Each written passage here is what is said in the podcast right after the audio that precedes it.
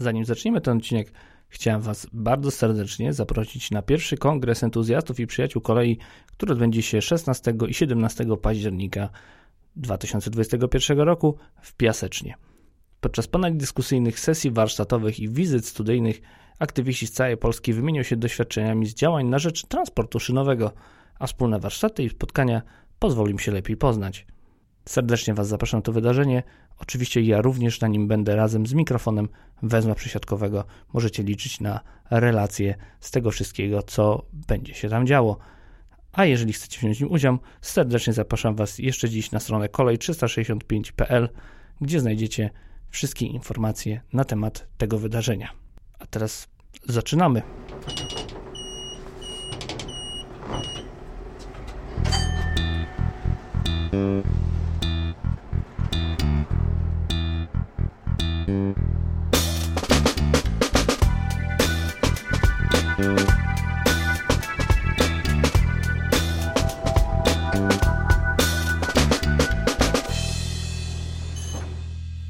Powszechnie wiadomo, każdy Polak zna się na trzech rzeczach: na piłce nożnej, na medycynie i oczywiście jak powinny być zaprojektowane i zorganizowane drogi.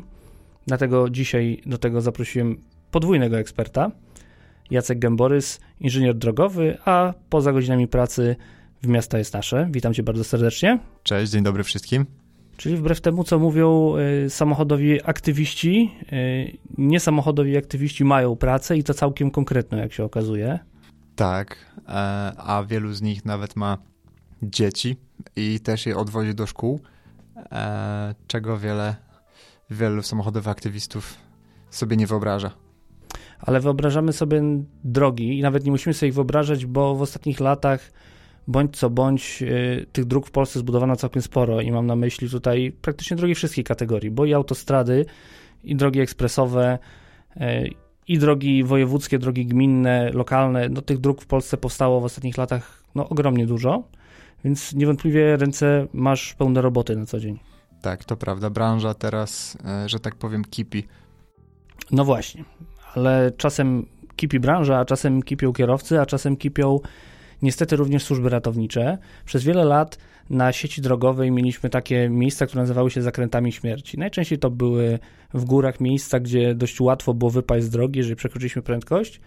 Natomiast dziś pojawiają się takie miejsca jak zakręty mistrzów albo zakręty idiotów. Mam tu na myśli na przykład łuk drogi S1 w Bielsku, dość znany jako zakręt mistrzów i e, zakręt idiotów lub też zakręt mistrzów, mówiąc delikatnie, w Rudzie Śląskiej na drogowej trasie średnicowej. Zdawać by się mogło, że skoro projektujemy zupełnie nowe drogi, zawsze o nich się mówi, że no, to po to, żeby było bezpieczniej, a jednak okazuje się, że powstają takie miejsca. I czy mógłbyś powiedzieć, skąd się biorą właśnie takie lokalizacje, e, gdzie dokonywany jest ten błąd, który sprawia, że te miejsca stają się no, kultowe, ale niestety z tej złej strony, że są faktycznie miejscami, gdzie dochodzi codziennie do wypadków, e, gdzie niestety ta nowa droga, która miała być bezpieczna, okazuje się być miejscem e, w, w najlepszym wypadku utrudnień i korków, w najgorszym wypadku śmierci. E, więc w każdym z tych miejsc e, przyczyna jest trochę inna. Zacznę od tej S1. E, jest dużo podobnych do S1 przykładów. E, dla tych, którzy nie znają przykładu, to jest na obwodnicy Bielska Białej, e, gdzie na drodze ekspresowej nagle pojawia się kąt ostrzejszy niż 90 stopni. Mm, I przed zakrętem są umieszczone znaki końca drogi ekspresowej, no ale kto by patrzył na takie znaki? E, I wynika to akurat z tego, że e, w tym miejscu w przyszłości planowany jest węzeł. E, teraz zdaje się, jest nawet, jest już na ostatniej prostej przed rozpoczęciem budowy, bo już jest podpisana umowa na projektuj i buduj. Mm, w momencie, kiedy ten zakręt był budowany, nie był dokładnie znany jeszcze kształt węzła, to było jeszcze przed koncepcją nawet, e, ta droga była jakoś tak w ostatniej dekadzie otwarta. I ten zakręt wynika po prostu e, z tego, że to jest połączenie dwóch dróg, które będą w przyszłości się tam przecinały pod kątem prostym. Na północ pójdzie S1 w stronę Mysłowic i Śląska, e, na wschód S52, Beskidzka Droga Integracyjna, a na zachód też jest 52 w stronę Cieszyna. Z kolei, e, no tak, i, i w, w, jakkolwiek, kiedy kierowcy zmieniają kierunek na węzłach na drogę, która, którą przecinają pod kątem prostym, to zachowują jednak pewną ostrożność, chociaż i to nie zawsze, bo jednak są na łącznicy, jednak gdzieś tam trzeba zmienić pas, jednak ta łącznica jest trochę węższa. Kiedy nie ma niczego takiego, tylko jadą sobie prostą drogą i nagle jest ten łuk, to biorą się wypadki, tak? bo, bo, bo mają tendencję jakąś taką polscy kierowcy do e, przegapiania tych znaków i wynika to trochę z nadmiernej ilości znaków, no ale też trochę z takiej zuchwałości kierowców moim zdaniem. E, z kolei na DTS to jest bardzo ciekawy przypadek. E, DTS to nie jest droga e, ekspresowa, to jest jedna z niewielu takich dróg w Polsce, wojewódzkich, o tak wysokim standardzie.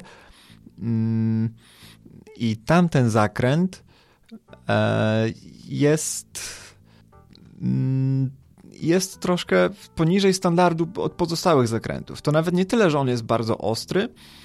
Mm, tam się składa chyba kilka czynników na, na ten element. Właśnie to, że to jest droga o trochę niższym standardzie, a kierowcy myślą, że to jest autostrada. Mm, fakt, że e, są tam dwa łuki. Od zachodu, jak się jedzie, jest taki trik, że kierowcy myślą, że jadą po jednym łuku, a okazuje się, że potem jest drugi łuk w tym samym kierunku, E, I, to, jest, to jest mylące. Generalnie tak się nie powinno robić, no ale ta droga jest. E, są tam trudne uwarunkowania e, terenowe i budowlane, bo to jest w samym środku Zagłębia Górnośląskiego i drogę trzeba było poprowadzić umiejętnie tak, żeby minęła tereny zabudowane. I z tego, co widziałem, większość wypadków dzieje się, mimo że tam są ograniczenia, większość wypadków e, dzieje się przy śliskiej nawierzchni, e, czyli, czyli ta droga mm, wynika to po prostu z dostosowania prędkości e, do warunków. Ale można sobie zadać pytanie, zanim oczywiście przejdziemy do tego, że kierowcy ignorują ograniczenia prędkości, bo wiedzą lepiej, jak trzeba jechać i nie przejmują się nim, bo na pewno postawił to jakiś idiota, który przecież nie zdjął znaku, bo, bo był remont, albo te wszystkie ograniczenia są bez sensu, bo to jacyś aktywiści wymyślają, ale jakbyśmy mieli y, skupić się na tym, jak można by ten błąd naprawić. Oczywiście poza tym, że ma tam stanąć niebawem fotoradar. Natomiast gdybyśmy mieli spojrzeć na ten przykład, spróbujmy naprawić go, chociażby na etapie koncepcyjnym. Jak moglibyśmy to miejsce zmienić? żeby ono przestało być zakrętem mistrzów? To jest dobre pytanie, bo w, mm, być może dałoby się inaczej tę drogę poprowadzić w planie. Mm, być może dałoby się poprawić tę widoczność, bo ten zakręt mistrzów, co prawda na, te, na tej drodze jest kilka podobnych zakrętów, ale akurat ten jest położony e, w wykopie, jest zabudowany ściankami e, i kierowcy mm, często nie spodziewają się aż takiego zakrętu, bo go nie widzą i stąd też właśnie to niedostosowanie prędkości do takiego ostrego zakrętu, więc być może można by tam poprawić widoczność. To znaczy w teorii, bo tak naprawdę stoją tam budynki tej ścianki oporowej e, nie dałoby się raczej mm, usunąć.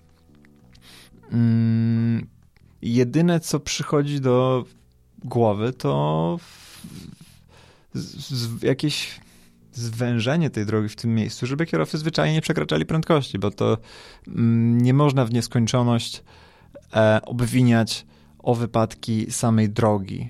Mm, bo jakiego by standardu nie była, to zawsze znajdzie się ktoś, kto, kto nie dostosuje się do jakiegoś elementu tej drogi, mm, swojego stylu jazdy do, do elementu tej drogi. No tak, tylko tu patrzymy na kilka rzeczy. Po pierwsze, tak jak wspomniałeś, drogowa trasa średnicowa nie jest drogą szybkiego ruchu, więc nie obowiązuje tam prędkość 120 km na godzinę dopuszczalna, ale już dobrze pamiętam, na tym odcinku chyba jest 90. Sprostuj mnie, jeżeli się mylę. Y, I stąd też, y, no jakby pierwsza rzecz to jest zachowanie dozwolonej prędkości, druga rzecz to, co wspomniałeś, że droga ekspresowa musi spełniać pewne warunki, natomiast tam nie ma warunków z uwagi na widoczność, żeby jechać szybciej niż przewidywana prędkość. Tu jest przy okazji moje pytanie o to, że na wielu odcinkach dróg w Polsce, dróg ekspresowych, które były przebudowywane z drogi krajowej, istnieją właśnie takie ograniczenia prędkości. I myślę, że to jest chyba dobry przykład, żeby powiedzieć, co się dzieje, kiedy takich ograniczeń prędkości się nie stosujemy. Widać na przykład takie ograniczenia na zmodernizowanej drodze S7, niegdyś dawna Gierkówka, gdzie podnoszono standard do drogi ekspresowej w kilku miejscach również y, ma takie odcinki. Y, na odcinku od Warszawy do Piotrkowa, gdzie te ograniczenia na łukach również powstają i może warto byłoby wyjść z jakąś akcją edukacyjną, że hej, hej, jedziesz może drogą ekspresową albo drogą dwupasmową, ale tu wcale nie możesz jechać nieskończenie szybko. To prawda, to też są różne, e, różne powody tych ograniczeń, które uznajemy czasami za śmieszne na drogach ekspresowych. Mm, te, które przytoczyłeś, są właśnie na tych starszych odcinkach dróg ekspresowych, bo za, na początku te pierwsze drogi ekspresowe powstawały, mm, taki myk ogólny, taki patent jak droga ekspresowa, e, zamiast autostrady miał służyć po prostu szybkiemu e, zupgrade'owaniu polskiej sieci dróg, czyli te wszystkie istniejące drogi, dobudowanie o drugi pas, e, rozbudowanie o drugi pas, dobudowanie może kilku obiektów mm, i, i mamy w pewien sposób e, sieć drogową e, zaawansowaną. Bardzo szybko się od tego odeszło, powstało tylko kilka dróg takich jak właśnie S7, jak S11 pod Poznaniem, e, jak... Mm, no chociażby S8 przecież do Radziejowic modernizowana. Tak, S8, chociaż ona była już później modernizowana i trochę tam e, są standardy na miarę możliwości e, lepsze. O, S8 do Radzymina i kilka podobnych, niezbyt wiele. Mm, o, obwodnica Garwolina jest takim na przykład jaskrawym przykładem, gdzie w trakcie całej drogi S17 Mm, nagle na pewnym fragmencie musimy dać po hamulcach, bo pojawia się w trakcie drogi łuk, który został jeszcze zaprojektowany e, na dosyć niskich parametrach. Nikt nie zakładał, że drogą ekspresową będzie się jechać jak autostradą, czyli na włączonym tempomacie e, i, i z taką dużą płynnością jazdy. Z S17 zresztą jest związany inny rodzaj tych niedorzecznych ograniczeń e, na drogach ekspresowych przez długi czas po uzyskaniu przejezdności e, było tam ograniczenie do 80 km na kilkudziesięciu kilometrach między Garwoliem a Warszawą. Takie ograniczenia wprowadzono w wielu miejscach na polskich e, drogach ekspresowych. Tam, gdzie droga przebiegała starym śladem, mm, czyli siłą rzeczy nie było, alternatywa dla tej drogi została zabudowana, więc trzeba było jak najszybciej ten ruch puścić na tę drogę ekspresową przed jej ukończeniem, czyli przed skończeniem płotów, przed być może jakichś barier, e, być może przed oddaniem niektórych obiektów. E, mogli się tam plątać mm, jacyś pracownicy, mogły być zwierzęta. Stąd też na kilkudziesięciu kilometrowych odcinkach właśnie chociażby takiej S17 pojawiły się ograniczenia do 80, które przez większość kierowców e, przez 99% byłbym w, w stanie zaryzykować, były ignorowane i trochę też de facto podważały e, zaufanie kierowców do znaków, bo po co to jest takie ograniczenie e, na kilkudziesięciu kilometrach, jak droga przecież jest równa, prosta mm, i szeroka. I też to trochę rozumiem, no ale taka była specyfika właśnie tej trasy, że dopóki nie została oddana do, nie została w pełni odebrana przez urzędy, nie zostało to wszystko zatwierdzone, że tak, to jest droga ekspresowa, to nie można było puścić ruchu mm, na, na 120. No i takie właśnie mm, takie troszkę jakby e, rzucanie ograniczeniami na, na prawo i lewo, mm, czy, czy bardziej taki brak zaufania e, kierowców do ograniczeń, bo doprowadził na tejże samej S17, nawet chyba przedwczoraj do jakiegoś wypadku, było malowanie pasów na S17 koło Żyżyna, E, tir wjechał w e, samochód e, malujących pasami, jednak nie, nie przeżył jeden pracownik i najwidoczniej kierowca tego tira był dosyć mm, przywykły do takich właśnie ograniczeń i, że tak powiem, wiedział jakie, mm, czy, czy wiedział w cudzysłowie, no przywykł do ignorowania ich. Idioci postawili ograniczenia. Mhm. Więc y, to też jest jakby element edukacyjny, bo to, to, co już wspomniałeś, czyli te ograniczenia na nieoddanej jeszcze drodze, to jest coś, co pojawia się wraz z rozwojem tej sieci dróg ekspresowych, też na S8 od e, węzła bodajże mm, za Ikeą. Za węzłem marki. Tak, no właśnie, za węzłem marki. tam również przez pewien czas droga nie była jeszcze ukończona, wyglądała jak pełnoprawna ekspresówka, ale jednak te ograniczenia były. I tutaj wiele osób e, burzyło się publicznie, e, mniej lub bardziej znani dziennikarze wylewali żale, no dlaczego tam są te głupie ograniczenia? No właśnie dlatego, że ta droga jeszcze nie była ukończona.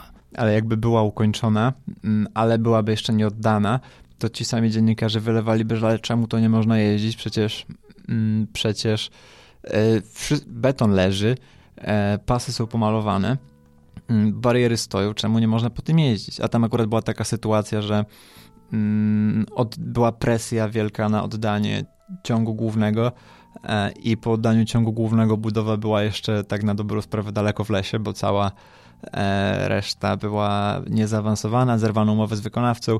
E, w międzyczasie odbył się jeszcze przetarg i wybrano innego wykonawcę i tak na, naprawdę do tej pory obwodnica Marek jest jeszcze w budowie.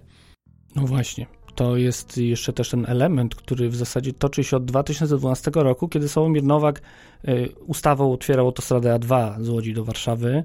Y, pewnie część, y, może słuchaczy pamięta, część może nie, ponieważ przed Euro 2012 autostrada a2 nie była jeszcze w pełni gotowa, nie było warstwy ścieralnej, to otwierano autostrada 2 ustawą o przejezdności, wówczas również obowiązywały tam ograniczenia, jeśli dobrze pamiętam, pewne rodzaje pojazdów nie mogły się tam poruszać, no ale dzisiaj już tak nie ma, natomiast zdarzają się takie wspomniane sytuacje, kiedy droga ma warstwę ścieralną, ma namalowane pasy, ale nie ma jeszcze e, wszystkich niezbędnych elementów do tego, żeby stać się pełnoprawną drogą ekspresową. I teraz pytanie, czy jesteśmy w stanie na to jakoś zaradzić? Podałeś przykład, że możemy jej nie otwierać, ale tak jak wspomniałeś w przypadku S17, to nie jest rozwiązanie, kiedy jest to właśnie modernizacja istniejącej drogi.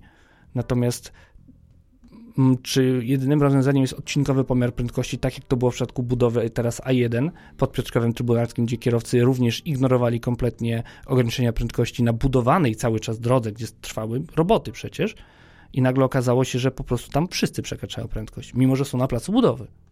Tak, e, myślę, że e, nawet jeśli niektóre z tych ograniczeń były nie do końca rozsądne, to e, często i tak będzie trzeba nawet chociażby z powodu remontu wprowadzić ograniczenie na prostym, równym odcinku drogi ekspresowej, kiedy trzeba będzie je zacząć remontować. Mm, tak jak często się to dzieje w Niemczech chociażby. Na pewno wiele osób, kiedy jedzie przez Niemcy, to ma przyjemność co jakiś czas wjechać na obszar e, przebudowy. Mm, I tam e, bardzo często umieszczony jest po prostu fotoradar i kierowcy stosują się co do kilometra do ograniczeń, mm, bo tak po prostu musi być, bo to jest... Mam wrażenie, że niektórym trochę brakuje wyobraźni i, i wydaje mi się, że oni widzą, co się dzieje, ale nie zdają sobie sprawy ze złożoności takiej sytuacji właśnie w trakcie budowy drogi. Mm, często mogą wychodzić jacyś pracownicy, czy faktycznie wybiegać te zwierzęta. Mm, czy też od, ostatnia warstwa na wierzchni może być na przykład nieoddana, tak? I, i przejechać nagle, mm, uderzyć w w krawędź, e, gdzie, gdzie zmienia się konstrukcja nawierzchni, może być też niezbyt przyjemne i niezbyt bezpieczne. Mm, więc moim zdaniem e, pierwszym rozwiązaniem, o którym powinno się teraz myśleć, jest egzekwowanie, czy, czy tak, tak, wyegzekwowanie odpowiednie przestrzegania tych ograniczeń prędkości. Z drugiej strony, bo jest to trochę błędne koło, e, przez to, że kierowcy nie przestrzegają tych ograniczeń, to zarządy dróg często wprowadzają coraz e, ściślejsze ograniczenia. E, słyszałem, że tak jest na przykład z tunelem Wisłostrady w Warszawie, że ZDM przyznaje, że mógłby tam wprowadzić ograniczenie do 80, no ale kierowcy teraz jeżdżą 80, a obecnie jest tam 60, więc gdyby wprowadzili... 50, jechałem 50. niedawno i jest tak. 50. I co jest bardzo śmieszne, fotoradar jest y, tuż przed tunelem Wisłostrady, jadąc od północy, mhm. więc mija się fotoradar, następuje ograniczenie prędkości do 50 i wszyscy przyspieszają mhm. za fotoradarem gdzie jest jeszcze niższa prędkość niż wcześniej. No ciekawe, jaka byłaby ta prędkość, gdyby podwyższyć ograniczenie prędkości do 80. Więc jest to trochę takim błędnym kołem i, i na tym etapie wiele osób mogłoby zarzucić, że a, w Polsce jeszcze jest słaba infrastruktura, będę jeździć przypisowo, jak będę miał autostradę od domu do, do pracy, ale ale myślę, że już jest pora na rozpoczęcie egzekwowania tych przepisów, trochę, trochę zwiększenie tego kija. No, tym bardziej, że jakby mieliśmy już sporo lat do przyzwyczajenia się, że te drogi się budują i one jednak się budują, a to nie jest tylko ciągłe łatanie dziur, jakiej było w latach 90., kto wtedy jeździł po polskiej sieci drogowej w latach 90., na początku XXI wieku, pamięta jakieś niekończące się naprawy, y, łatanie które, dziur, które nie przeżywały y, te łaty zimy. Natomiast dziś, no faktycznie, widząc budowę drogi, wiemy, że za rok, dwa, najdalej trzy, faktycznie ta droga będzie gotowa. No ale propos budów. Y, mamy historię budowy obwodnicy zachodniej Łodzi, czyli drogi S14, która miała powstać w trochę innym projekcie, ale z uwagi na różne ciekawe zdarzenia ten projekt został ukrojony. No i pojawia nam się y, węzeł Emilia i trudno stwierdzić tak naprawdę, co poeta miał na myśli. Tu dla tych, którzy nie są w temacie, wyjaśnię.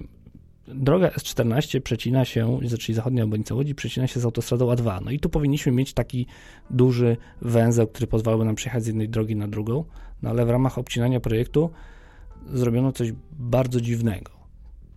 To znaczy te dwie drogi spotykają się, zjazdy z tych dwóch dróg spotykają się na jednym rondzie. Czy to w ogóle jest możliwe, żeby coś takiego zrobić zgodnie z prawem? Mm, jak najbardziej, jeśli się wcześniej umieści znak końca drogi ekspresowej, to znaczy, czy to jest możliwe? I jest możliwe, ale czy to jest dobre? No bynajmniej nie jest dobre. E, I ostatnio nawet doszliśmy ze znajomymi do konsensusu, że w Polsce mm, się trochę zmarnowało okazję na zbudowanie dobrych węzłów drogowych, bo nasze węzły drogowe, szczególnie te przy połączeniach z autostradami, mm, są, e, są, są tragiczne. Wynika to głównie z tego, że jeszcze w latach 90. wymyślono zamknięty system poboru opłat, żeby na taki system, na taką autostradę w takim systemie wjechać, trzeba przejechać przez punkt poboru opłat, przez tak zwane bramki, e, czy też stacje poboru opłat. Mm, I żeby ten ruch skanalizować do tych bramek, to trzeba najwygodniej wybudować węzeł typu trąbka. Mm, Może czy, wyjaśnij, czy, na czym polega węzeł typu trąbka, tak? To tak jakby do, dobudowanie trzeciej drogi. Mm, węzeł trąbka stosuje się na węzłach trójwlotowych. E, kiedy do drogi, kiedy do jednej drogi z boku dołącza trzecia droga. Wtedy to rozwiązanie jest dosyć praktyczne. E, kiedy mm, łączą się cztery drogi, trzeba de facto stworzyć czwartą drogę, która by się jakby łączyła. Trzeba sztucznie wybudować e, dwa dodatkowe skrzyżowania, e, w których, na, na których ta droga trzecia będzie się łączyła prostopadle jako ten trzeci wlot z drogą pierwszą i z drogą drugą. Może to zbyt pokrętnie opisuję, ale mm, każdy, kiedy sobie gdzieś wygoogla węzeł typu trąbka, będzie wiedział o co chodzi. Mm, no i właśnie z tej potrzeby kanalizowania tego ruchu na te stacje poboru opłat powstały takie dziwne twory oparte o te trąbki. Takie Co... węzły przede wszystkim można znaleźć na autostradzie A2, na mniejszych węzłach typu Łowicz, chyba w Skierniewicach. Tak naprawdę na taki... wszystkich węzłach, oprócz węzłów... W Zgierzu na pewno też, nie wiem, nie wiem, i chyba w Emilii też. To jest praktycznie, to są praktycznie wszystkie węzły na polskich autostradach, oprócz węzłów e, w okolicach Warszawy, oprócz węzła Łódź Północ sama, bo ona krzyżuje dwie drogi, ona jest wewnątrz systemu zamkniętego e, i mm, systemu zamkniętego, który nigdy nie został oddany do użytku. Tak, tak. To jest, to jest właśnie przy projektach tych dróg. E, trochę od, odpływamy od tego z 14, ale zaraz do tego wrócę. Generalnie cała historia tych węzłów i, i wszystkiego, e, tych, tych, dziwnych kształtów wynika z, e, z tego, jak jeszcze pokutują decyzje podjęte na przykład 20 lat temu. To, że postanowiono wybudować, po, po, że na przykład z systemu zamkniętego już zrezygnowano, ale że rzutowało to na całą procedurę projektowania autostrad to jeszcze jakoś nikt tego jakby nie rozplątał i do tej pory autostrady projektuje się pod zamknięty system opłat. Zemsta Marka Pola z 2004 roku ówczesnego ministra transportu. Właśnie, prawie 20 lat będzie. I węzeł Łódź Północ jest bardzo podobnym przykładem. Mm, na węźle Łódź Północ powstał też, e, nie Łódź Północ, tylko e, Emilia. To jest e, węzeł S14 z A2, północno-zachodni róg Łodzi, gdyby tak to sobie wyobrazić. I obecny węzeł Emilia łączy autostradę z systemem lokalnych dróg. E, Dokładnie rzecz biorąc, z rondem wymili na drodze krajowej nr 91. Tak, ze starą jedynką, e, obsługuje lokalne wioski, miasteczka i został przewidziany do e, połączenia się w przyszłości właśnie z tą S14, z zachodnią obwodnicą Łodzi. Kiedy go budowano, jeszcze nie do końca było wiadomo, jaki będzie kształt tej zachodniej obwodnicy Łodzi. Więc założono, że ona na razie nie powstanie. Tak. E, I trochę, trochę się wtedy odkładało te drogi na takie święty nigdy. Mm, I kiedy już podjęto się tej realizacji S14, mm, to zamierzano najpierw w pierwotnym założeniu odciąć ten węzeł dróg lokalnych e, i połączyć go z drogą S14. No ale później jednak e, w trakcie procedowania postanowiono okroić węzeł, okroić ten projekt S14 o węzeł Ludźmierz, E, który to kawałek na południe miał właśnie łączyć tę drogę S14 z systemem dróg lokalnych, czyli mm, stworzyć nowe rondo na południu e, i ten ruch z autostrady zjeżdżałby sobie najpierw na S14, a później na mm, system dróg lokalnych, czyli ci, którzy teraz tam zjeżdżają, mieliby tylko trochę dalej do objechania, ale zrezygnowano z tego węzła Ludźmierz I żeby zapewnić to połączenie systemem dróg lokalnych, to na tej trzeciej drodze, która łączy S14 i A2, która została zaplanowana pierwotnie właśnie pod SPO, stację poboru opłat, chociaż tak naprawdę ta stacja poboru opłat tam już nie powstanie, bo już się tego nie robi, mm, wymyślono, że będzie rondo. I w ten sposób uniknięto węzła Ludźmierz i połączono starą e, DK1, obecnie 91, e, właśnie z drogami ekspresowymi autostradą. Mm, rzekomo przepustowość tam wychodzi, mm, ale będzie to bardzo kuriozalne rozwiązanie, bo nagle ktoś oto jadący z południa z drogi S14 dwupasmową drogą się kanalizuje najpierw w łącznicę jednopasową, później to wszystko wjeżdża w rondo, po to, żeby później wjechać znowu w łącznicę jednopasową, wjechać na drugą trąbkę, i włączyć się na autostradę, no czy to cały ruch z obwodnicy mm, skutecznie rozprowadzi? E, jest to bardzo fikuśne rozwiązanie i jeśli pomyśleć o tym, jakie mm, to było pole do, do popisu dla inżynierów, e, wystarczyłoby się wzorować na. Jest tyle dobrych przykładów za granicą, e, sprawnie poprowadzonych węzłów, które mają dużo mniejszą zajętość terenu i dużo mniej obiektów mostowych, czyli mogły być i dużo tańsze, i dużo sprawniejsze w obsłudze i w korzystaniu. E, to robi się trochę szkoda. No, wydaje mi się, że kiedyś ktoś prędzej czy później będzie musiał to naprawić.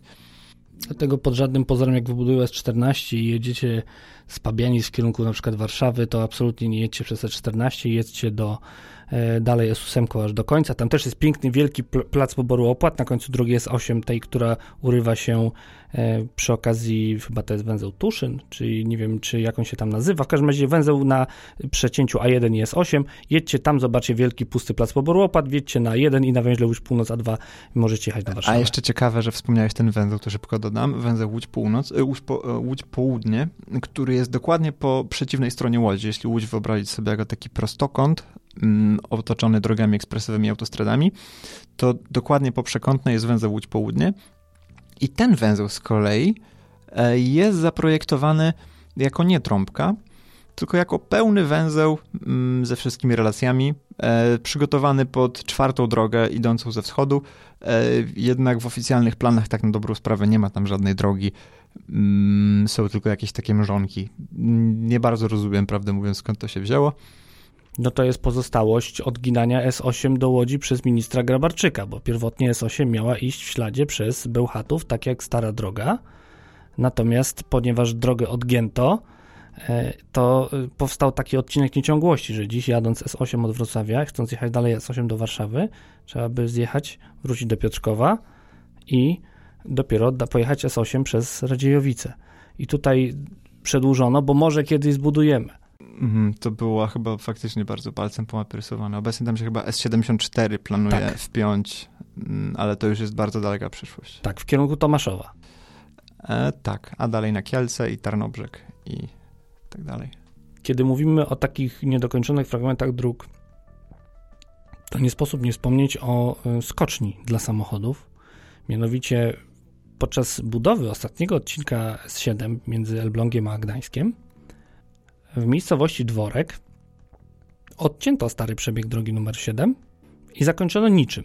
To znaczy taką pryzmą piachu, która została po, po budowie. I teraz tam jest taka urwana droga, która kończy się niczym i tam często kierowcy wyjeżdżają z tej drogi. Powiedz mi, jak to jest możliwe, że takie artefakty powstają? Mm, koszty rozbiórki. Jeśli, jeżeli wykonawcy uda się, e, albo jeśli nie będzie musiał e, rozbierać drogi, która pierwotnie była tym jednak tą magistralą, może nie dwupasową, ale była szeroka, przenosiła ciężki ruch, a do tego miała jeszcze utwardzone pobocza. No jeśli wykonawca drogi nie będzie musiał tego rozbierać, mm, to czemu miałby to robić? I e, Czasami, czasami takie drogi faktycznie doprowadza się, jeśli to są dłuższe odcinki, usuwa się mm, utwardzone pobocza, e, na drodze ruch się uspokaja, bo ona przenosi wtedy tylko ruch lokalny.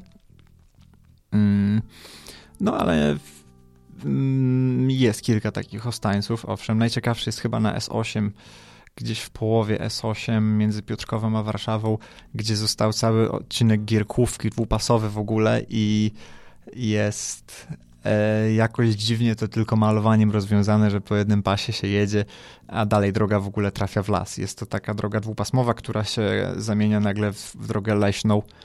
To też wygląda osobliwie, ale zostają takie fragmenty. I, i, są z tym związane, ostatnio słyszałem, wypadki, bo kierowcy widzący właśnie taką szeroką drogę mm, z jakiegoś powodu przeszacowują e, długość tej drogi i wpadają w pryzmę, e, w pryzmę piachu, która jest na końcu.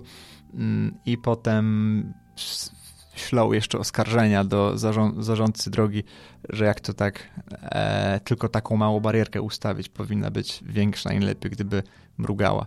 No ale to jest podobny problem trochę jak wjazdy pod prąd na autostradach, które się niestety coraz częściej zdarzają, bo mamy coraz więcej takich dróg. I jest to, no może nie plaga, ale słyszymy często o sytuacjach, gdzie ktoś wjeżdża na drogę szybkiego ruchu, na autostradę pod prąd, i zupełnie jakby nie dociera do niego albo nie umie się wycofać z tego błędu, który popełnił. I może to jest ta, tego, ta sama kategoria, gdzie ktoś jeździ tak kompletnie na pamięć. Może jest to starszy kierowca, który może mieć już pewne, nie wiem, demencje lub inne problemy, które być może powinny go odsunąć od prowadzenia samochodu, ale jednak wjeżdża na taką drogę i znajduje się w miejscu, które znał przez wiele lat i nagle ono kończy się niczym. Po części się zgadzam, bo należałoby mm, drogi należy projektować tak, żeby były jak najbardziej odporne na, na głupotę, czyli żeby, żeby nie karały, jak to kiedyś koleżanka powiedziała, że droga nie może karać kierowcy, tylko e, żeby wybaczała jak najwięcej błędów.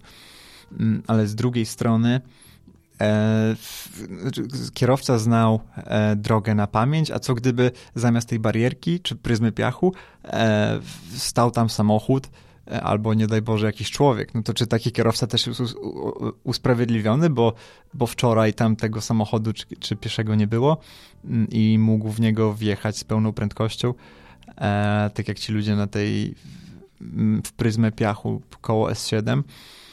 Mm, z wjazdami na autostradę pod prąd jest podobnie. E, i moim zdaniem e, żeby wjechać na autostradę pod prąd, trzeba się naprawdę mocno postarać, bo drogi są ukształtowane tak, czy, czy wloty na rondo z łącznic, czy sam, samo to rozprowadzenie ruchu jest ukształtowane tak, że żeby tam wjechać nieświadomie, to tak, naprawdę trzeba się postarać. E, ostatnio po, po, powstały w ogóle nowe znaki, e, nie są jeszcze regulowane rozporządzeniem, takie trochę ściągane z Austrii czy, czy z Czech, stop, nie wjeżdżaj, no ale moim zdaniem, jeśli ktoś już wjeżdża na tę autostradę pod prąd, to jeden znak więcej nic nie zmieni. Mm, I należałoby. U mnie to wywołuje taką ogólną refleksję, ilu nieodpowiedzialnych ludzi porusza się po, po drogach, jeśli ktoś jest zdolny do czegoś takiego. Szkolnie przyznam ci się, że, kiedy, że kiedyś byłem bliski wjechania na nitkę, która prowadziła jako wyjazd E, z autostrady, nie pamiętam czy to było przypadkiem w Pruszkowie, ale zreflektowałem się jednak, że to nie jest droga, którą powinienem jechać. Natomiast to wynikało trochę z układu drogowego i parę jest takich miejsc, znajdziemy na pewno na sieci, gdzie no jeżeli nie zorientujemy się i ktoś niestety pójdzie jak można powiedzieć, trochę jak, trochę jak takie zwierzę z klapkami na oczach i nie zorientuje się, że robi błąd, albo nie, nie przyzna się sam przed sobą, że kurczę, zrobiłem błąd, muszę się stąd jakoś wydostać, no to jednak y, zdarzają się takie miejsca, gdzie można się pomylić, nawet będąc człowiekiem bądź co bądź uważnym, bo oznakowanie albo sam układ drogowy jest, no, może nie tyle nawet do jazdy na pamięć, ale zdarza się, że jest nieintuicyjny po prostu i wydaje nam się, że patrzymy na oznakowanie, patrzymy na drogowskazy, a nagle, o, przed nami jest zakaz wjazdu. Trochę to prawda. To prawda, że najgorszym, e, że może się tak zdarzyć. Tutaj akurat jest ten atut trąbek, że trąbki są węzły typu trąbka, e, o których mówiliśmy wcześniej, że fakt, że prawie wszystkie węzły przy autostradach tak wyglądają, e, daje pewne podobieństwo i ludzie się przyzwyczajają do tych węzłów, bo wiedzą czego się spodziewać, nawet jeśli są na drugim końcu Polski. Ale najgorsze jest to, e, kiedy właśnie taki kierowca idzie w zaparty i mimo, że już przejechał całą łącznicę i zdążył jechać na tę autostradę i minąć pojazdy, które jadą w drugą stronę i jeszcze się nie poddał i, i dzielnie jedzie, to jest już trochę przerażające. Inną kwestią, tak jak mówisz, jest oznakowanie. Węzł pruszków akurat to jest ten jeden z tych węzłów... Mm, które nie są trąbką. Które nie są trąbką. To jest, to jest tych, chyba na palcach dwóch rąk można by dosłownie takie węzły wymienić. I i można się, można się trochę pogubić. Inną kwestią jest właśnie samo oznakowanie, które też jest tematem na zupełnie oddzielną rozmowę, oznakowanie dróg szybkiego ruchu w Polsce, bo e, jakoś brak, przydałaby się tu rewolucja. Przy tym jakkolwiek w, samych, w samej sieci e, dróg nastąpiła rewolucja, to oznakowanie dzielnie trzyma się to samo, które zostało zaprojektowane około 50 lat temu, zdaje się, potem ewentualnie trochę rozbudowane, gdzie drogi tak na dobrą sprawę były, e, miały skrzyżowania jednopoziomowe. Mm, nie było czegoś takiego jak pasy wyłączania, jak e, łącznice, które, jak, jak, jak, chociażby coś takiego, że żeby pojechać w lewo, to trzeba najpierw pojechać w prawo. Węzeł konotopa. Chociażby, tak, ale większość węzłów, tak, na, na, tak naprawdę na każdym węźle wyłączasz się w prawo, nawet jeśli chcesz pojechać w lewo. I, i dla wielu osób jest to takie. W... Wyobrażam Pierwsza sobie... prawo jest w prawo, a druga w prawo jest w lewo, na przykład. Właśnie. I, i to, to są złożone systemy pasów, i oznakowanie nasze jest bardzo do tego nieprzystosowane. Mm, do tego, że, że kilka pasów idzie, idzie w tę stronę, kilka w tę. I jeszcze inną w ogóle bajką są miejscowości kierunkowe dobierane do tego. To jest tak, że mm, wyobrażam sobie, że kierowcy nie mają zupełnie żadnego zaufania do znaków, no bo znaki są robione tak, żeby się zgadzały z przepisami, a nie tak, żeby działały. No, tak jak mówiłem... Każdy kierowca w Polsce wie, gdzie jest Hrebenne, tak. gdzie jest Terespol, e, Mościska. Jędrzychowice, Świecko, e, Budzisko i tym podobne. I, i, I gorzyczki. I gorzyczki, o gorzyczki. tak. Chociaż Ostrawa jest akurat popularna na tym kierunku, to trzeba przyznać. Chociaż czasami się zamienia z gorzyczkami i raz się jedzie na Ostrawę, raz się jedzie na gorzyczki, zależy kiedy był wykonywany odcinek drogi. To też jest ciekawe, że nikt tego jakoś nie spina w ogóle. Ja się zastanawiam czasami, czy ktoś na to patrzy z góry to często się zdarza, kiedy się oddaje kolejne odcinki dróg, to mhm. już tak kończąc ten temat oznakowania, że w momencie, kiedy na jednym odcinku policzy się ten kilometraż dobrze, ale jeszcze nie jest oddany fragment jakiejś drogi pod, pod, na trasie, to później oddaje się kolejny fragment drogi, ten brakujący, kilometraż się już zmienia, na przykład jest mhm. już trochę krócej, albo wręcz przeciwnie, mamy obwodnicę, jest parę kilometrów dalej i potem są te y, takie znaki, gdzie jak zaczniemy sumować kilometry, to nigdy się nie doliczymy tego, żeby to się zgadzało. Mm, częstym przypadkiem jest, że nawet na drodze, która jest oddawana w tym samym czasie, to jakoś jest tak, że jak się zbliża do celu, to kilometraż na znakach, e, na tablicach szlaku drogowego jakoś się zwiększa. E, tak jakby się jechało do tyłu. To się akurat też zdarza. Między innymi na S17 zdaje się tak było. Nie wiem, czy to już było poprawione, czy nie. Mm. I tam też był taki węzeł z kolei, ale to już ostatnie z tematu oznakowania na węźle Lubelska też nie do końca grają ze sobą kierunki z różnych stron, e, z różnych stron świata. Jakby ktoś tak nie do końca to wszystko spinał. No cóż, myślę, że do tematów e, problemów, jakie mam na drogach i w szczególności oznakowania jeszcze wrócimy. Chętnie zapoznam się z tym, jakie słuchacze węzła przesiadkowego e, musieli rozwiązywać węzły na swoich drogach, również samochodowych, bo jednak bądź co bądź samochodami też się od czasu do czasu poruszamy, a nawet jeżeli nie jako kierowcy, to jako pasażerowie i czasem staramy się pomóc kierowcy, bo on sam czasem nie wie dokąd ma jechać, patrząc na te jakże trudne oznakowanie. A w tym trudnym świecie drogowych problemów, drogowych błędów i tego, jak można je naprawić, dzisiaj nas prowadził Jacek Gęborys. Bardzo Ci dziękuję. Również dziękuję, pozdrawiam. Na zakończenie tradycyjnie chciałem podziękować wszystkim patronom podcastu, a w szczególności tych, którzy korzystają z biletów okresowych.